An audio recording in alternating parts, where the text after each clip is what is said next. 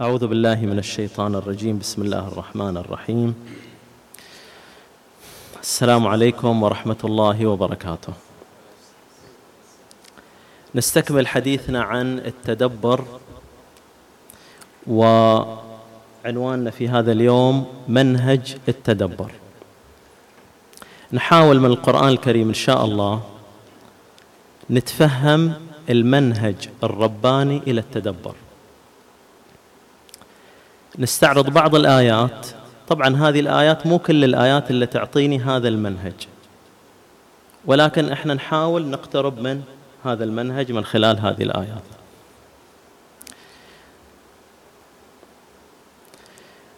الآية الأولى اللي أحاول أستشف منها منهج التدبر هي الآية التالية. أعوذ بالله من الشيطان الرجيم.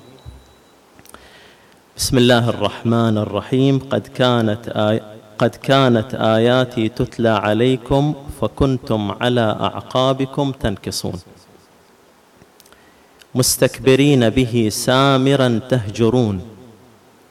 أفلم يدبروا القول أم جاءهم ما لم يأت آباءهم الأولين أم لم يعرفوا رسولهم فهم له منكرون. أبغى آخذ من هذه الآية الشريفة الوصف الرباني إلى الآيات بأن الآيات هي قول الله. وقول الله يعني نتعامل مع حديث.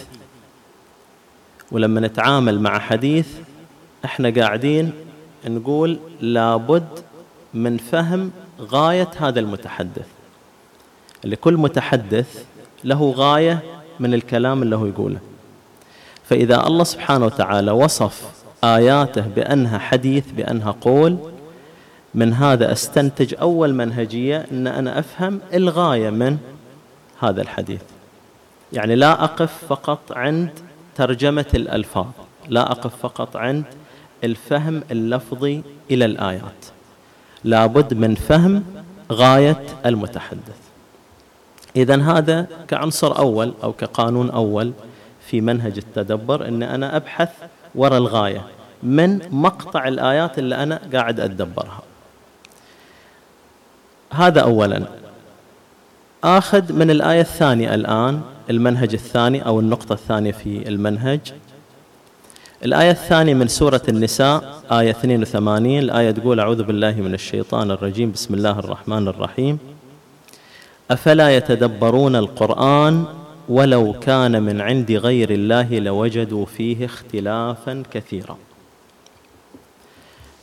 الآية قاعدة تعطيني شمولية النظر إلى القرآن لأن المتدبر النتيجة اللي وصل إليها أنه بعد ما بحث في كامل القرآن لم يجد هناك اختلاف ما بين خلينا نقول مواضيع أو موضوعات القرآن وما بين غايات القرآن. فإذا هنا النقطة الثانية لابد أني إذا جيت أبحث أو أنظر إلى قضية أو أتدبر القرآن لابد أني أنظر بشكل شامل إلى القرآن كاملا. هذه النقطة الثانية. إذا النقطة الأولى أفهم غاية المتحدث. والنقطة الثانية أني أرجع الحديث بعضه إلى بعض وآخذ القرآن بشكل شمولي. النقطة أو الآية الثالثة والأخيرة عشان أوصل إلى منهجية صحيحة في تدبر القرآن متمثلة في الآية التالية. الآية تقول أعوذ بالله من الشيطان الرجيم بسم الله الرحمن الرحيم. كتاب أنزلناه إليك مبارك ليدبروا آياته وليتذكر أولو الألباب. الآية الشريفة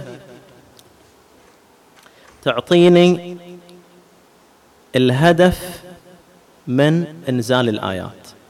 صار الهدف من إنزال الآيات إنزال الكتاب هو التدبر. والهدف من التدبر هو الوصول إلى الذكرى. اذا وصلنا إلى النقطة النهائية وهي الوصول إلى التذكر. وقال إلي هنا يتذكر أولي الألباب. هنا أبغي أحط عنوان أبغي أضع عنوان في هذه الآية. هو اتجاه التدبر. أنا فهمت غاية المتحدث.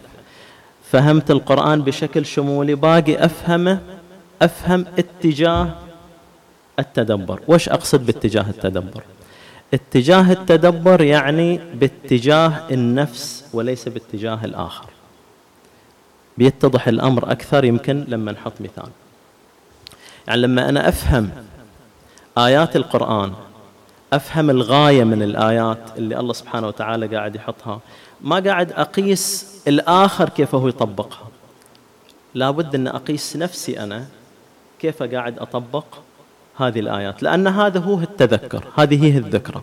الذكرى أن الإنسان يصحح خطأ أو أنه يتطور إلى الأفضل حسب الآيات اللي موجودة.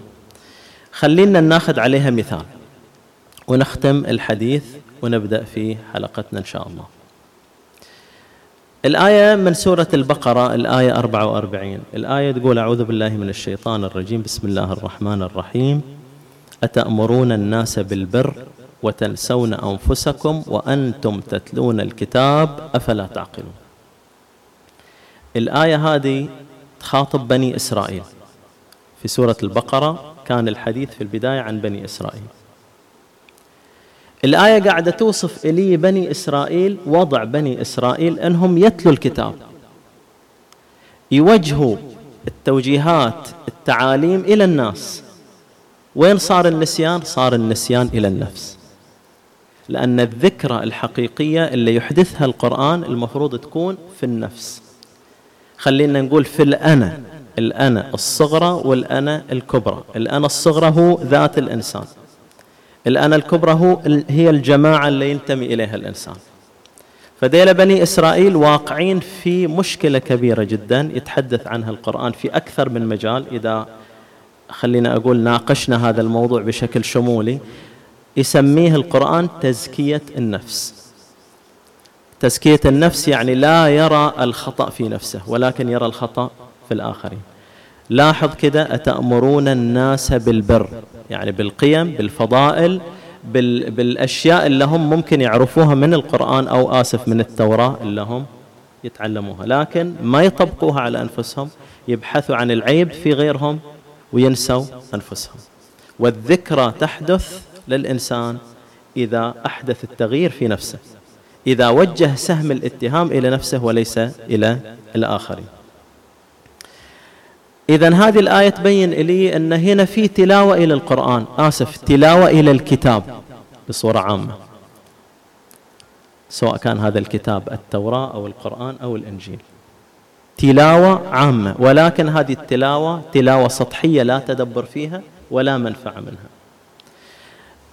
إحنا الآن نقف عند هذه الآية وبإمكاننا نقول أن إحنا من خلال الضمائر اللي موجودة في الآية من خلال الحقائق اللي إحنا نعرفها من خلال التدبر هي تشير إلى بني إسرائيل. تشير إلى حقيقة موجودة في بني إسرائيل. الآن بني إسرائيل وش فائدتهم من هذه الآية؟ بني إسرائيل وش يستفيدوا من هذه الآية؟ واقعا هذه الآية الآن لا تمس بني إسرائيل لأنهم زي ما الآن يوصف القرآن هم كفروا. في العموم إحنا نتحدث بني إسرائيل كفروا. وهذه الآية تتحدث عن حقبة زمانية عاشها الرسول. طيب وش فائدة الآية الآن؟ لما آخذ هذه الآية لابد أوصل إلى النتيجة النهائية هو اتجاه التدبر اللي إحنا نتكلم عنه. لابد أطبقها أنا الآن لابد أستفيد منها أنا الآن. لأن أنا قاعد أقرأ القرآن. الآية قاعدة تقول لي أن في أقوام قبلكم سقطوا في هذه المشكلة. سقطوا في تزكية النفس. فإذا جيت تقرأ القرآن على مبدأ التدبر لابد أن تحذر من الوقوع في هذه الفتنة. تقرأ القرآن على مبدأ سبيل نجاة. تقرأ القرآن على مبدأ اتهام النفس. ما تقرأ القرآن, القرآن على مبدأ تزكية النفس. هذه مشكلة وتشير بهذه المشكلة إلى الآخر.